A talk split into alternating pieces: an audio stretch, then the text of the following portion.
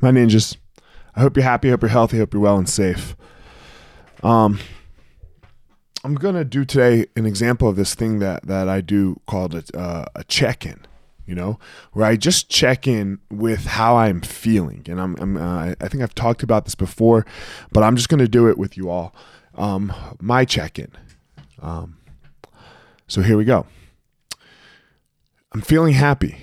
My family is doing very well. Um, my, my wife and I are getting along well.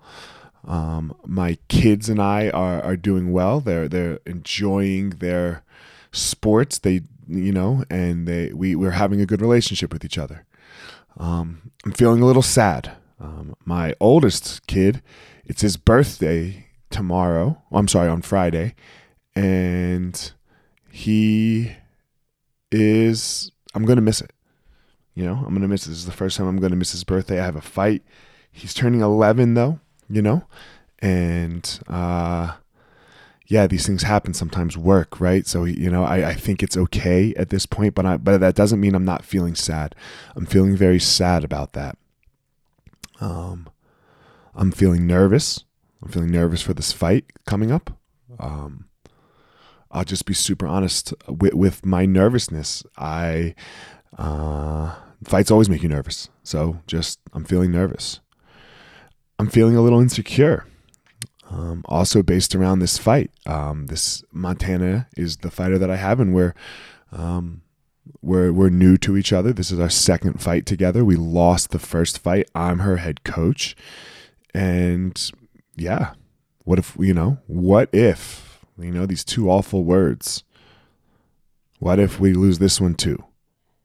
What does that say about me as a coach, as a leader? So that's how I'm feeling. Now, what we do with our feelings becomes our own choices now. We, we don't have to dive into them, especially uh, the, these feelings. Some of them are negative, right? The sadness, the the insecurity, right? I can just feel that way. I don't have to double and triple and quadruple down on how I'm feeling. I, I, can just acknowledge them and I try to acknowledge it every day now. I try to say, okay, this is this is how I'm feeling. But that doesn't again, it goes back to the thing that we talked about a couple days ago, or maybe I don't know when it was last week or two weeks ago. That doesn't mean I am those things. I am feeling that way. I am with those emotions right now. I am not those emotions. I am not scared. I am not sad. And I am not insecure. Those are that's not what I am. My feelings will pass. But they won't if you don't say them out loud. They won't if you don't get them out of your brain.